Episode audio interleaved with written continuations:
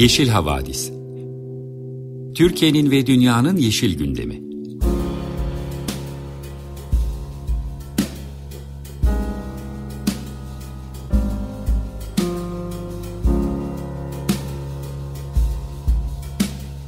Hazırlayan ve sunanlar Selin Uğurtaş ve Savaş Çömlek.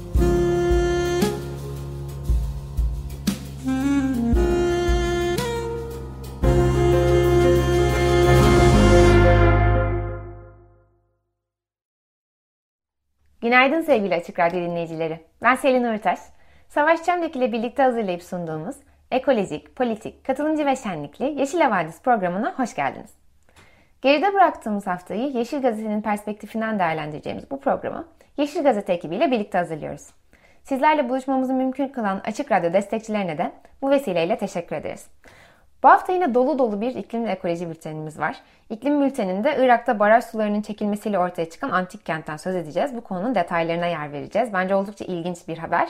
E, bunun için biraz sabırsızlanıyorum size anlatmak için. Aynı zamanda ulaşıma bağlı emisyonları azaltma stratejilerinden ve iklim finansmanı meselesinden bahsedeceğiz.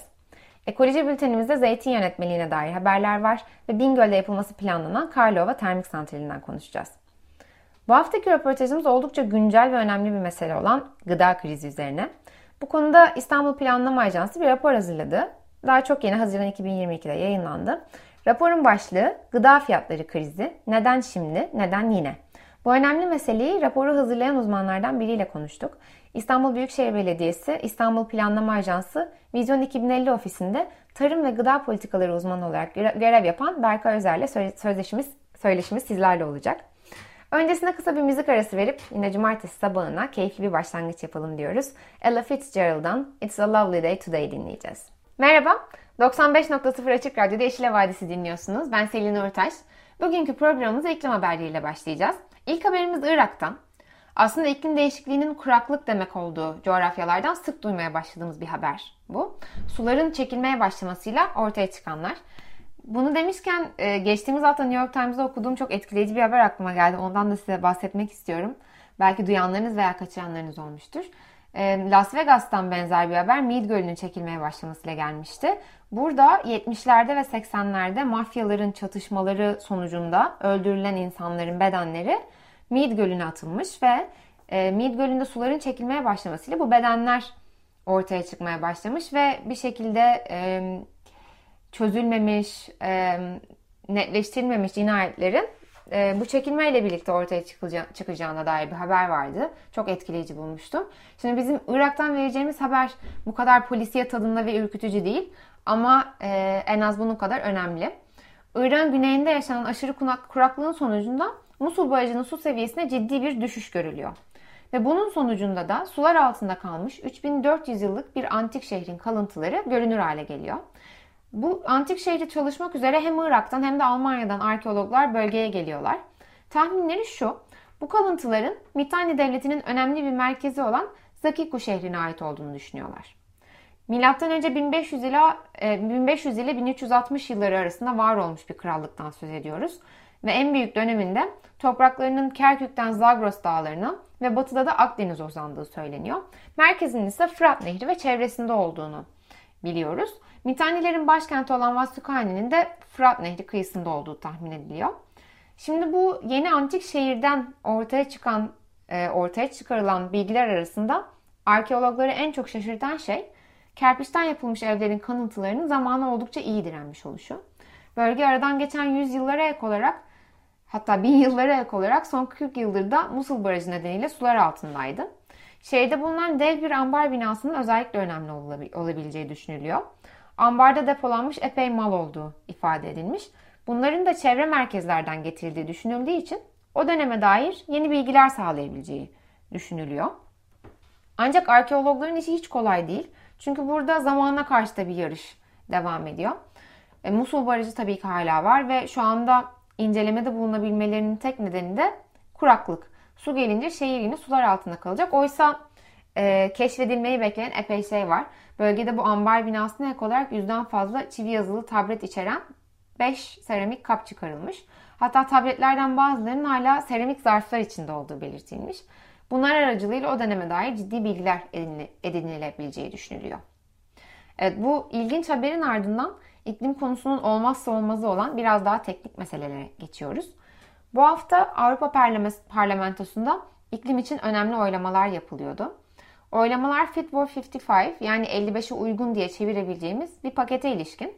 55 dediğimiz ne derseniz bu Avrupa Birliği'nin 2030 yılı için koyduğu sera gazı emisyonlarını 1990 seviyelerine kıyasla en az %55 azaltma hedefi. Paket bu hedefe ulaşmak için yapılması gereken mevzuat değişikliklerine ilişkin. Ve bu bağlamda e, önemli bir sonuç motorlu araç, araç satışlarına ilişkin geldi. Parlamento e, oylamada 2035 sonrasında motorlu araç satışını yasakladı. Avrupa Birliği'nin toplam sera gazı emisyonlarının %15'i karayolu taşımacılığından kaynaklanıyor. Dolayısıyla bu yeni alınan karar oldukça önemli bir adım. Parlamentonun Çevre Komitesi'ndeki otomobiller ve kamyonetler için karbondioksit emisyon standartları raportörü bunun önemini vurguladı. Çünkü otomotiv sektörü karbondan en hızlı arındırılabilecek sektörlerden biri. Ancak sektörün netliğe ihtiyaç duyduğu söylenmiş. Yani yatırım yapmak için iştah var ama birazdan net kuralların olması gerekiyor. Bu yeni yasanın da bu netliği sağlayacağı umuluyor. Tabi Avrupa Birliği'nden ulaşım konusunda haberler verirken bizim Türkiye'de kat etmemiz gereken çok ciddi bir mesafe olduğunu vurgulamakta da fayda var.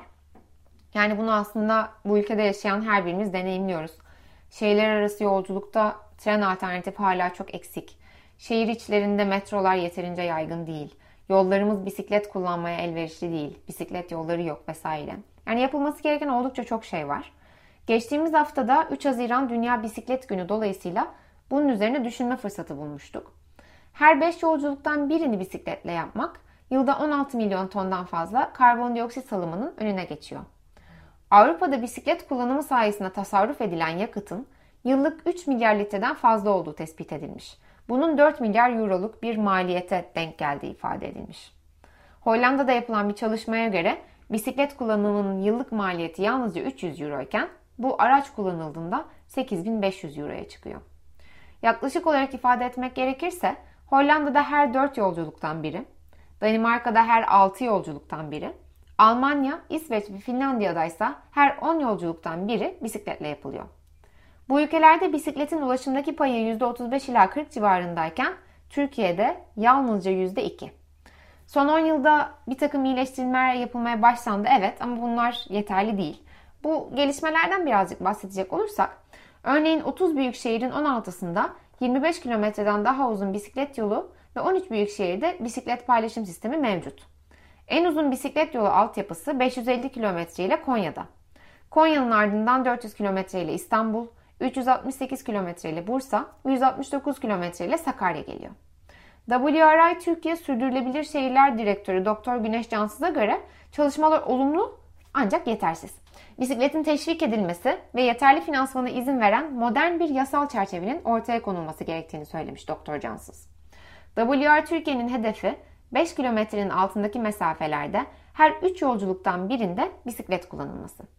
Bunun için de herkesin bir bisikletinin olması ve okullarda bisiklet sürüş eğitiminin verilmesi, toplumda bu yönde bir farkındalık oluşturulması gerektiğini söylemişler. WR Türkiye'nin WRI Türkiye'nin Ulaşım ve Yol Güvenliği kıdemli yöneticisi Tolga İmamoğlu da şehirlerde bisikletli ulaşımın nasıl daha güvenli ve yaygın hale getirilebileceği için bir şeyler söylemiş. Bunları alıntılıyorum. Önemli olduğunu düşünüyorum. Diyor ki, kentlerimiz için insan odaklı sürdürülebilir bir hareketlilik talep ediyorsak, bisikletli ulaşımın güvenli ve diğer türlerle bütünleşik ve etkileşimli bir şekilde hayata geçirilmesi odağımız olmalı.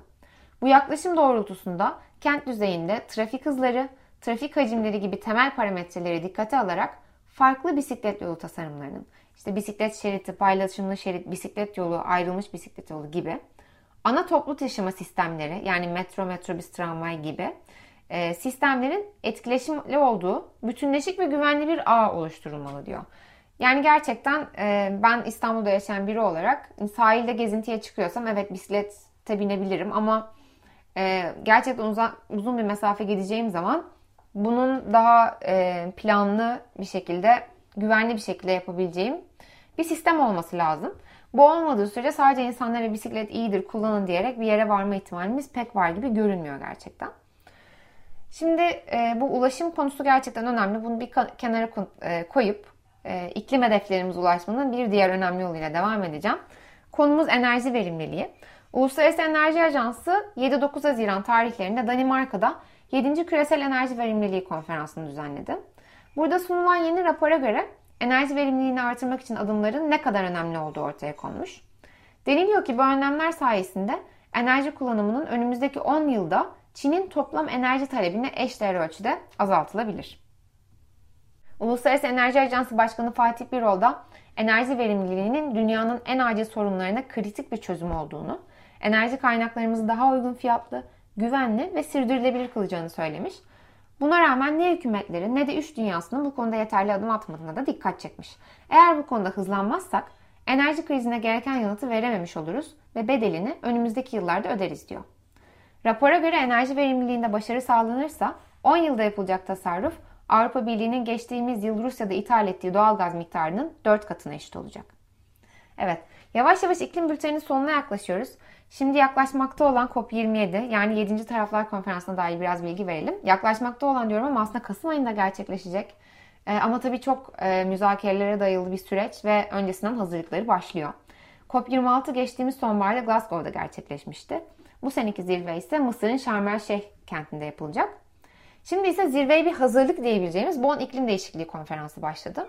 Burada amaç COP27'de anlaşılmaya, anlaşmaya varılması gereken bazı konuları önceden müzakere etmek. Burada öne çıkan en önemli meselelerden biri özellikle gelişmekte olan ülkelere yapılması gereken iklim finansmanı, bir de kayıp ve zararların belirlenmesi meselesi. Aslında bunların COP26'da çözüme ulaştırılması umuluyordu ama olmadı. Mısır'da gelişmekte olan bir ülkede yapılacak olan 27. konferansın artık bir karar üretmesi bekleniyor.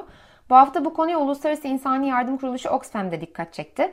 Birleşmiş Milletler'in iklim felaketi çağrıları için ihtiyaç duyulan fonun son 20 yılda %800'den fazla arttığını ortaya koyuyor. Ve Oxfam raporuna göre bu miktarın yalnızca yarısı zengin ülkeler tarafından karşılanıyor. Örneğin geride bıraktığımız 2021 yılı kuraklık, sel, orman yangını gibi aşırı hava olaylarının yarattığı zarar anlamında en maliyetli 3. yıldı. 329 milyar dolar gibi bir meblağdan söz ediyor ve bu toplanan bağışların neredeyse iki katı.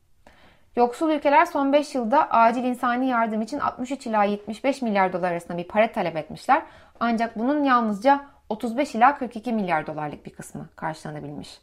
Bonn iklim değişikliği görüşmeleri sırasında Oxfam CEO'su bu konuda Guardian'a konuşmuş ve bu finansman açığını kabul edilemez olarak nitelendirmiş. Sözleri durumu güzel özetler nitelikte. O nedenle kendisinden alıntılıyorum. Şöyle diyor. Zengin ülkeler sadece iklim kaynaklı afetler yaşandığında yeterli insani yardım sağlamakta başarısız olmakla kalmıyor. Ayrıca gelişmekte olan ülkelerin değişen iklime uyum sağlamasına yardımcı olmak için yılda 100 milyar dolara 100 milyar dolar sağlama sözünü tutmuyorlar ve tarıma elverişli olmayan araziler ve hasar görmüş altyapı gibi etkilerden kurtulmalarına destek olmak için finansman çağrılarını da engelliyorlar. Birleşik Krallık gibi zengin ülkeler emisyonlarının neden olduğu zararın tüm sorumluluğunu üstlenmeli ve en fakir ülkelerde iklim değişikliğinin neden olduğu kayıp ve zararlar için yeni fon sağlamalıdır. Oxfam CEO'su tabi İngiltere merkezli ve Guardian'da bir İngiltere gazetesi olduğu için büyük ihtimalle Birleşik Krallık gibi zengin ülkeler demiş ama aslında gerçekten bütün zengin ülkeleri özellikle bu konuda tarihi sorumluluğu yüksek ülkeleri çok ilgilendiren bir mesele. Bu konuda bir adım atılması için e, gerçekten artık zaman daralıyor. Ve bu mesele COP27'nin 27'nin de en önemli gündem maddesi olacak gibi görünüyor. Evet bu haberle birlikte iklim bültenimizin sonuna geliyoruz.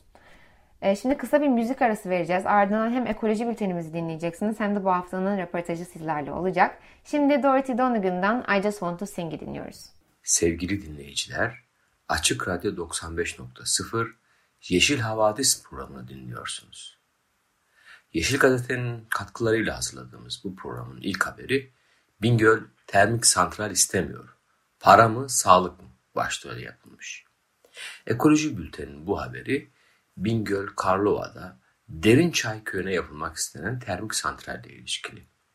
Termik santralin hikayesi oldukça eski 2008 yılında ihaleye katılan olmadığı için İnşaat süreci başlayamamış. 2013 yılındaki ikinci süreçse ihaleye katılan, ihaleyi alan firmanın ihaleden çekilmesiyle yine termik santral inşaatı gerçekleştirilememiş. Köylüler ve çevre halkı yeni verim almaya başladıklarını, topraklarını organik tarıma açtıklarını, hayvancılığı geliştirmeye çalıştıklarını, kaynak sularına, ormanlara ve halk sağlığına zarar verecek bu santralin inşaatına karşı olduklarını açıklamışlar. Kığ, Karlı Koçan, Adaklı, Yaylıdere, Yedi Su İlçeleri Sosyal Yardımlaşma Kalkınma Kültür Derneği, Doğu ve Güneydoğu Dernekler Platformu, Karakoçan Dernekleri Federasyonu, Adaklı, Kığ, Sancak ve Yayladere'den çok sayıda yerel sivil toplum örgütü birlikte basın açıklaması gerçekleştirmişler. Termik santrale hayır demişler. Yaptıkları açıklamada temel noktalar tabii ki termik santrallerin zararlarına ilişkin. Faydası tek, zararları pek çok olan termik santral tanımıyla termik santrallerin zararlarını tek tek sıralayan sivil toplum örgütleri, atmosfere karbon, sülfür, kül gibi zehirli gazların salınımının bölgedeki canlı hayatı olumsuz etkileyeceğini, kanserojen etkileri nedeniyle bu tür hastalıkların bölgede artacağını, asit yağmurlarının ortaya çıkabileceğini, ağır metallerin gıda ürünlerine ve içme suyuna karışabileceğini, özellikle astım, koah gibi solunum hastalıklarının artacağını, soğutma suları için kullanılacak yeraltı kaynaklarının bölgedeki su kaynaklarını azaltacağını, hatta kuracağını dikkat çekmişler. Termik santrallerin çevresindeki ekosistemi tamamen bozabileceğini vurgu yapmışlar. Yerel sivil toplum kuruluşlarının yaptığı açıklamanın önemli bölümlerinden bir tanesi de iktidarın görünür ikiyüzlülüğü başlığı altında verilmiş. Siyasi iktidar ısrarla enerji politikaları üzerine şirketlere ve sermaye destek vermeye devam ediyor denilen açıklamada Türkiye'nin imzaladığı çevre anlaşmaları hatırlatılmış. Bir yandan Avrupa Birliği'nin yeşil fonlarından hibe alabilmek için iklim anlaşmalarına imzalar atıyor ve yenilenebilir enerjiler üzerinden desteklerini yürüteceklerini, planlamalarını hızlandıracaklarını vaat ediyorlar. Diğer yandan da kirli olduğunu mevcut sistemin, kapitalist sistemin dahi kabul ettiği termik santrallere aynı hızda yol veriyorlar. Bu tamamen siyasi iktidarın görünür iki yüzlülüğüdür yorumunu yapmışlar. Yaşam alanlarımızda ekolojik kırım istemiyoruz diyen sivil toplum kuruluşları ihalenin, ihalenin iptalini talep etmişler. Gerçekten de birçok yerel olumsuzluğun yanı sıra küresel ölçekte iklim değişikliğinin baş sorumlusu olan fosil yakıtların kullanıldığı enerji üretme biçimlerinden vazgeçilmesi uluslararası anlaşmalarla kabul edildiği halde yeni termik santral inşaatına başlamanın akılla izahı yok demek istiyoruz. Sevgili dinleyiciler, Ekoloji Bülteni'nin sıradaki haberi Dünya Gıda Güvenliği Günü, zeytin yönetmeliği değişikliği, tercihlerin ne yönde yapıldığını özetliyor ana başlığıyla yapılmış. Yeşil Gazete'nin bu haberini Bahar Ünlü hazırlamış. İklim kriziyle şiddetlenen yağmurlar, aşırı sıcaktan tarlalarda kavrulan ekinler, Ukrayna limanlarında savaş eseri gibi tutulan tahıllar, Covid-19 pandemisi ve artan enflasyonla geçen iki yıl. 2022'de Dünya Gıda Güvenliği Günü'ne bu etkilerle girdik. Gıda krizi büyük bir şiddetle kapımızı çalıyor. Artan dünya nüfusunun nasıl besleneceği gittikçe önemi artan ve yanıtlanması gereken zor bir soruya dönüşüyor. Bütün bu krizlerin etkisindeki Türkiye ise 10 yıllardır güdülen tarım politikaları nedeniyle gittikçe düşen alım gücü, azalan ve verimsizleşen tarım arz arazileriyle kendine yetecek gıda üretmekte daha da güçlük çekiyor. Su kaynaklarını verimli toprakları kirleten, ekosistemleri tehlikeye atan, çiftçileri yerinden eden ekokırım faaliyetlerinin de nasıl durdurulacağının tartışılacağı, tartışılması gerektiği Türkiye'de önemli konulardan bir tanesi de kuşkusuz gıda güvenliği ve buna ilişkin politikaların üretilme süreci. Boğaziçi Üniversitesi İktisat Fakültesi öğretim üyesi ve İstanbul Politikalar Merkezi uzmanı Profesör Fikret, Fikret Adaman'la Yeşil Gazete görüş alışverişinde bulunmuş. Dünya Gıda Güvenliği Günü ile ilgili olarak Fikret Adaman'dan öğrendiğimize göre aşağı yukarı tüm dünyada gıdadaki enflasyon oranı ortalama enflasyon oranından yüksek. Arka planında ise pandemi, pandeminin etkilerini aramak lazım. Fakat etkisini en fazla tarım sektöründe gösteren iklim krizini de ihmal etmeden konuyu tartışmak gerekiyor. Artan aşırı sıcak gün sayısı, dolu, tayfun, hortum gibi aşırı hava olayları, gerek sayısı gerek tahribat alanı artan orman yangınları, mevsimsel kaymalar, bununla beraber ciddi bir su sıkıntısı. Yağmurlar artık çok daha şiddetli yağıyor. Toprağın yağmur kapasitesi azaldı. Sel oluyor, gidiyor o sel, suyunu tutamıyoruz. Ama selin getirdiği tarım alanı tahribatı da her geçen gün artıyor. Tüm bunları topladığımız zaman dünya ciddi bir sıkıntıyla karşı karşıya. Fikret Ataman'dan öğrendiğimize göre şu anda tarım sektöründe de iklim krizinin etkilerini azaltacak adımların dünya genelinde çok azaltılmış durumda. Evet doluya karşı ağaçların üstüne ağ germek, sele karşı tedbirler almak, farklı tohumlara daha dayanıklı üretim sürecine geçmek, sulamada reform yapmak gibi iklim krizini azaltacak önlemler almak mümkün. Ancak hem Türkiye'de hem de dünyanın pek çok yerinde bu adımlar ya hiç atılmıyor ya da geç atılıyor. Türkiye'deki tarımın olumsuz etkilenmesinin geçmişine baktığımız zaman monokültür uygulamalarının başlatıldığı 1950 yıllara kadar gitmek gerekiyor. Monokültüre geçme, tarımda modernleşme adı altında yüksek gübre kullanımı, yüksek su girdisi ve makineleşme ile ortaya çıkan bir süreç. En başta topraktaki verim kaybı var. Bunun da müessibi büyük ölçüde monokültür yüksek gübre kullanımı kısa vadeli üretimi artırsa da bir süre sonra toprağın kalitesini, verimliliğini düşürüyor. Dolayısıyla daha fazla gübre kullanmanız gerekiyor. Böylece bir kısır döngüye giriyoruz. Politikacıların vakti zamanında bu konuyla ilgili uyarıldığını anlatan Fikret Adam'a bu kamusal müdahale nasıl sürdürülebilir? Süreç nasıl tersine çevrilebilir? Daha dayanıklı, daha adil bir sürece dönüşmek nasıl mümkün olur? Ankara'nın sorumluluğu ne olacak? Yerel yönetimlerin yapabilecekleri nedir? sivil toplum hangi noktada devreye girebilecek gibi konularda tartışılması, fikir üretilmesi gerektiğini söylüyor. Ekoloji Bülteni'nin Dünya Gıda Güvenliği günüyle ilgili bu haberin ardından seçtiğimiz parça 1960'lı yıllardan bir klasik blues Lonnie Johnson, Another Night to Cry. Açık Radyo'dasınız. Yeşil Havadis programının röportaj köşesindeyiz. İstanbul Büyükşehir Belediyesi'ne bağlı çalışan İstanbul Planlama Ajansı'ndan gıda tarım politikaları uzmanı Berkan Özyer bugünkü konuğumuz. Gıda politikalarını, gıda krizini konuşacağız. Ee, yakın zamanda hazırladıkları e, gıda politikaları ile ilgili, gıda krizi ile ilgili hazırladıkları rapordan söz edeceğiz. Ee, Berkan hoş geldin. Hoş bulduk, merhaba. Ee, şöyle bir giriş yapalım istersen. Son zamanlarda e, pandemi, gıda krizi, enflasyon e, önemli bir gündem maddesi haline geldi ülkemizde. Bütün politikacıların dilinden düşürmedikleri tarım politikaları ilgili ülkemizde çok ciddi hatalar yapıldığına ilişkin bir görüş sürekli politikacıların gündeminde. Siz de Büyükşehir Belediyesi'ne bağlı bir kurum olarak bu konuyla ilgili bir rapor hazırlamışsınız. E, genel olarak e, niçin böyle bir rapor hazırlama gereği duydunuz? Neler oluyor? Dünyada neler oluyor? Ülkemizde neler oluyor? Bahsetmek ister misin? Tabii ki Savaş. Öncelikle bir hani, e, dinleyicilerin de erişimi açısından İPA.org İstanbul sitesi üzerinden de sosyal medya hesaplarımızdan bu e, gıda fiyatları krizi neden şimdi, neden yeni başlıklı bir e, politika notu gibi daha ziyade bir e, hazırladığımız belgeye erişebilirler. Burada yani başlıktan da anlaşılacağı üzere şunu vurgulamak istedik.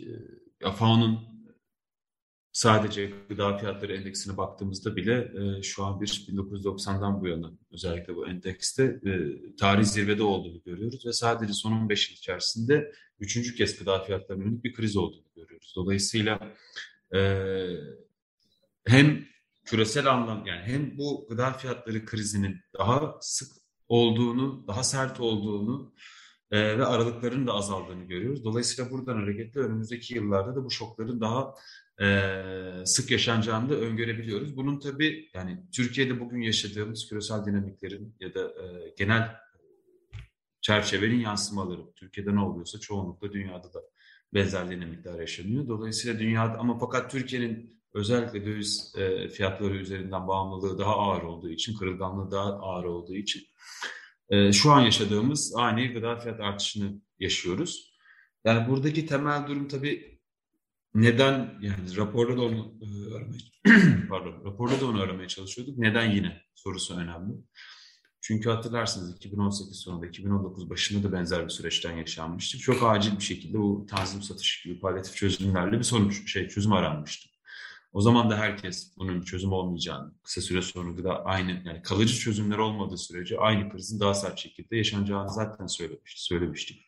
Ve onu yaşıyoruz şu an. Dolayısıyla bazı e, temel sorunlar var, yapısal sorunlar var.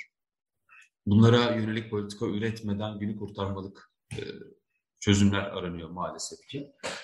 E, bunun sonucunda da tabii ki daha yeniden aynı şeyleri yaşıyoruz. Şöyle bir olumsuz durumu da var. Bu e, şok durumların biraz dindiğinde de maalesef bu küresel de bir dinamik. E, aynı fiyat artışları biraz normalleştiği anda gıdaya erişim konusu çok hızlı gündemden düşüyor. Ta ki yeni bir krize kadar e, yine aynı şekilde konuşuluyor, yine düşüyor. Bunun işte 15 yıldaki örneği 2007-2008 krizinde özellikle bu e, konu biraz daha patlak verdi. Gıda fiyatlarının artışı 2010, 11, 12 arasında yaşandı bu ikinci kriz olarak göreceğimiz. Üçüncü kriz de pandemiyle birlikte başladı. Burada en önemli konulardan biri tabii 2007-2008 ve 10-11 arası çok ciddi dünyanın farklı noktalarında sosyal patlamaları neden olmuş, tetiklemiş bir gıda tedarik zinciri sorunları dizisinden bahsediyoruz. Hali hazırdaki durumda bir henüz buna yansımış değil tabii ki. Fakat geçmişten ders alacak olursak önümüzdeki süreçte de benzer bir e, sosyal hareketlerin e, gerçekleşebileceğini öngörmek mümkün. Dolayısıyla tam da bu sebepten geçmişteki krizlere bakıp bugünkü durumu değerlendirip e, bir acil eylem planı, acil harekete geçirecek adımların adını koymak adına bu raporda hazırladık. Bir Gelen... yandan şunu da çok özür diliyorum Savaş, çok pardon. Şunun altını çizmek istiyorum yani.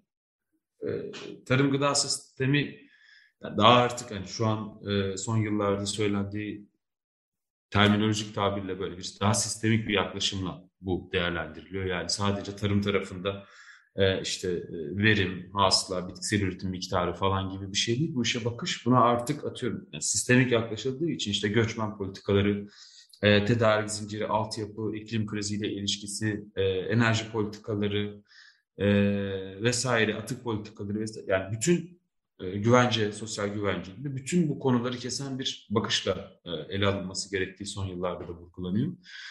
E, bu, bu bakış olma yani bu çerçevede zaten bize değerlendirmemizi yaptık. Fakat altını çizmek istediğim nokta şu. Yani o kadar bariz ki bu sorular, sorunlar, e, tarım gıda sistemindeki sorunlar. Yani tarım şurası, yani kamunun araştırmalarında da aynı şeyler söyleniyor. E, sivil toplumunda, akademinin de çok belli başlı bazı sorunlar var. E, zaten esas nedir? Umutsuzluğa sevk eden durumu, e, sorunlar bu kadar belliyken, e, çözümler de bu kadar belliyken günü kurtarmaya yönelik çözüm, yani bu konuda bir e, adım atılmaması biraz daha ısrarlı bir şekilde bu talepleri dile getirmeyi gerektiriyor. Sevgili Berkan, e, biz e, genel çerçeveyi çizdik sayılır şimdilik ama biraz daha popüler, bilgilere de güvenli erişme açısından sormak istiyorum. Türkiye gerçekten tarım, gıda anlamında dışa ne kadar bağımlı? Ee, bağımlı olması mı iyi, olmaması mı iyi sence? Yani Burada tabii öncelik şöyle söyleyeyim. Pandeminin ya da 2007-2008 krizinden de hareketle başlayabiliriz ama özellikle pandemiyle ortaya çıkan bir durum var. Kendini yeterlilik en başta gelen konulardan bir tanesi. Çünkü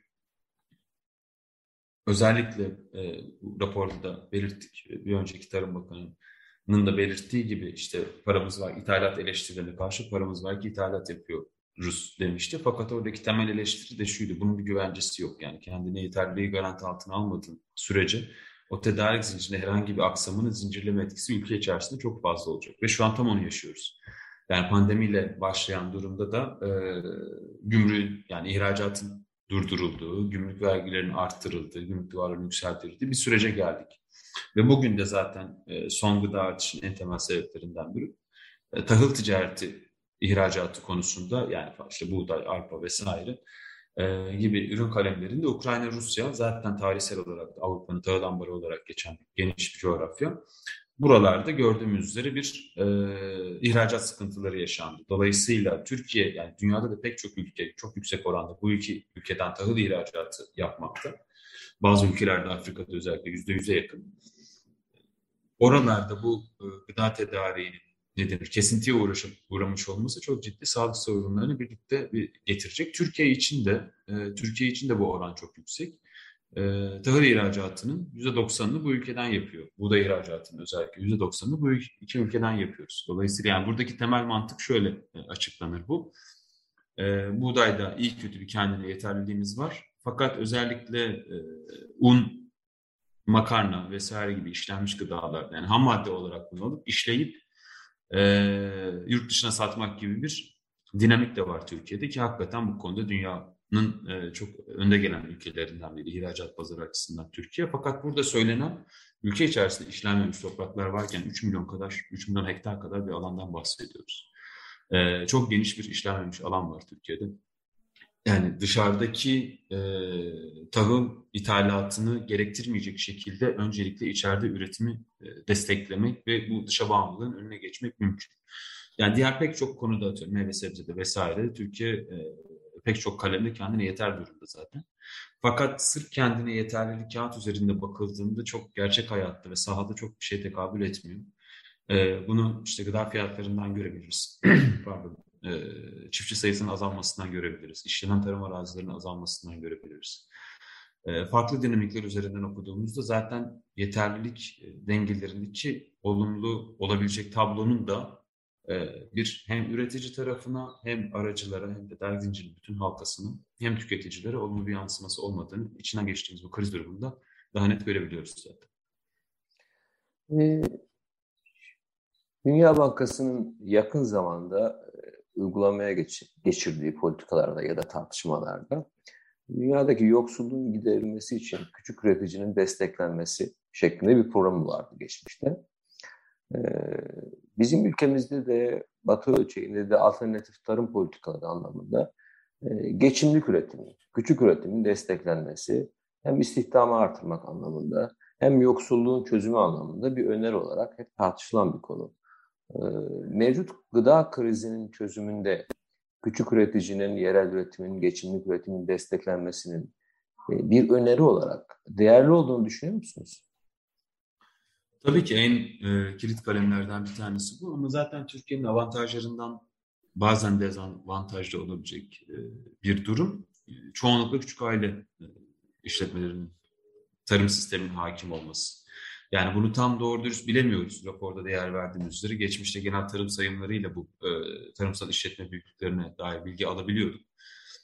E, bazı örneklemler üzerinden yine TÜİK açıklama yapıyor ama güncellemiyor da doğru dürüst bir bunun üzerine inşa edebileceğimiz bir veri altyapısı da yok. İşte 10 yılda bir yapılan yaklaşık olarak e, Cumhuriyet tarihi boyunca genel tarım sayımı en son 2001'de yapıldı. 21 yıl geçti üzerinden. Doğru dürüst bu dediğim gibi üzerine bir yorum yapacak bir eksikliğimiz de var. Sorumuza dönersek de bu zaten ön, yani e, bir küçük aile 10 yılı da ilan edilmişti küresel anlamda. Çözüm zaten buradan geçiyor ama bunun tek başına e, bir destek mekanizmalarıyla değil bir plan program çerçevesinde yani e, ciddi desteklemeler de yapıyor Tarım Bakanlığı bu konuda. Ancak onun geri dönüşü, etki değerlendirmesi gibi konularda çok eksiyiz. Paralar, destekler yapılıyor ama neye yapılıyor?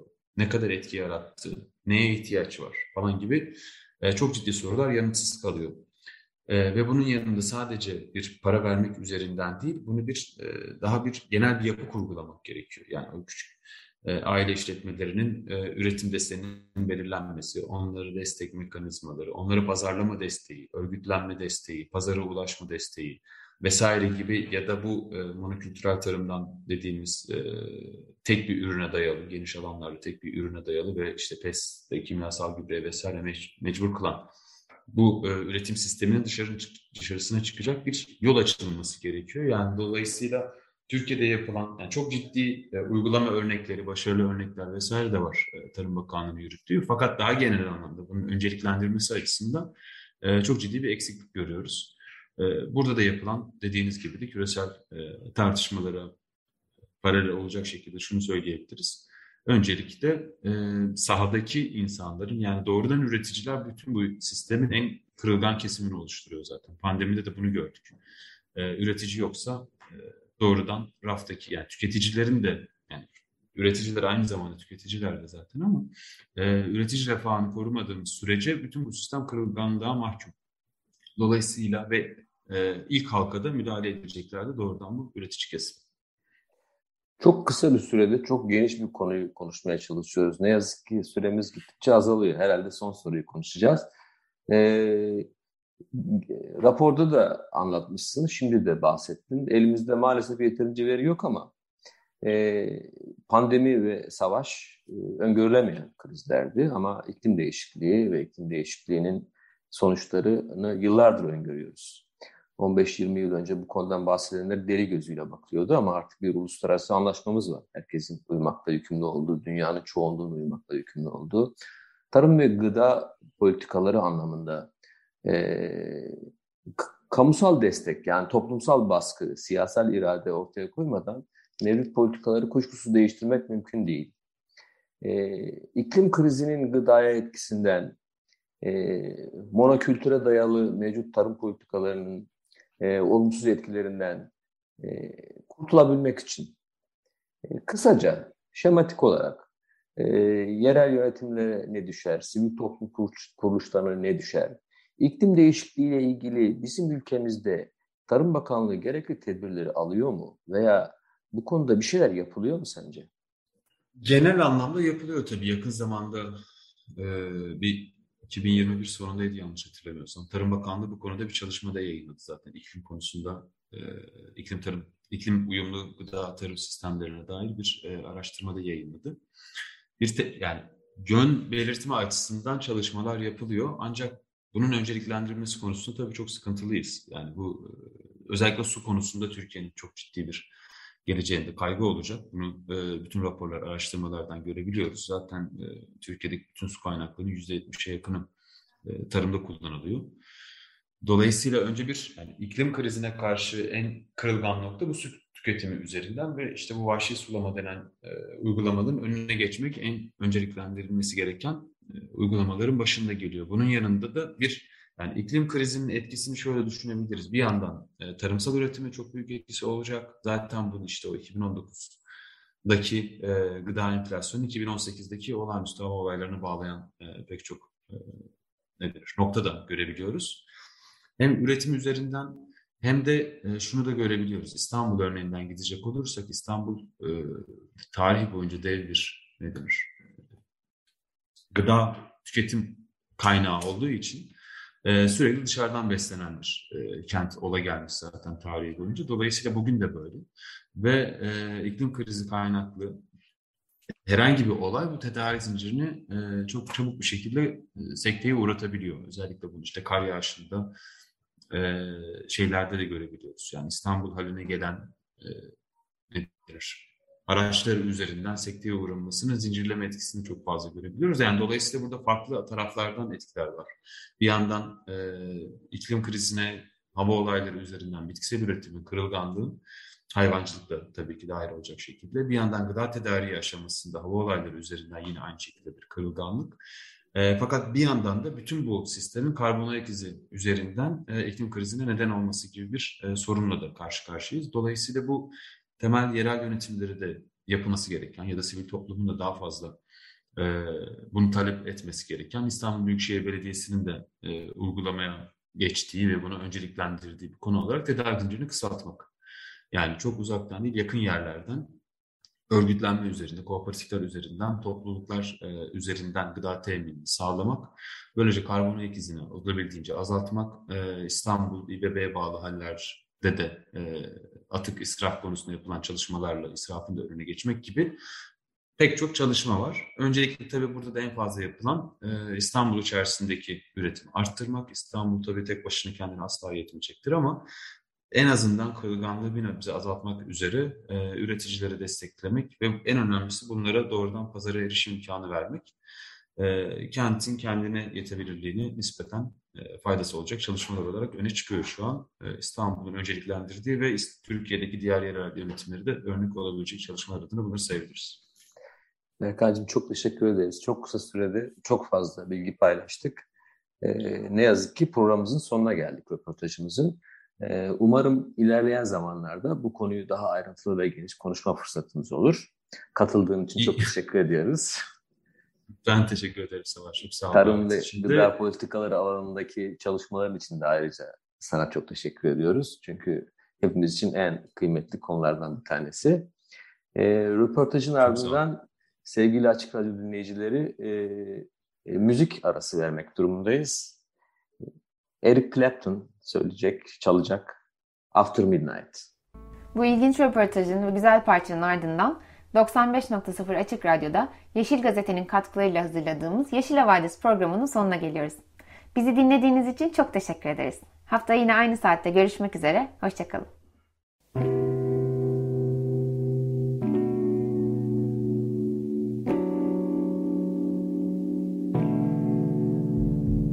Yeşil Havadis Türkiye'nin ve dünyanın yeşil gündemi.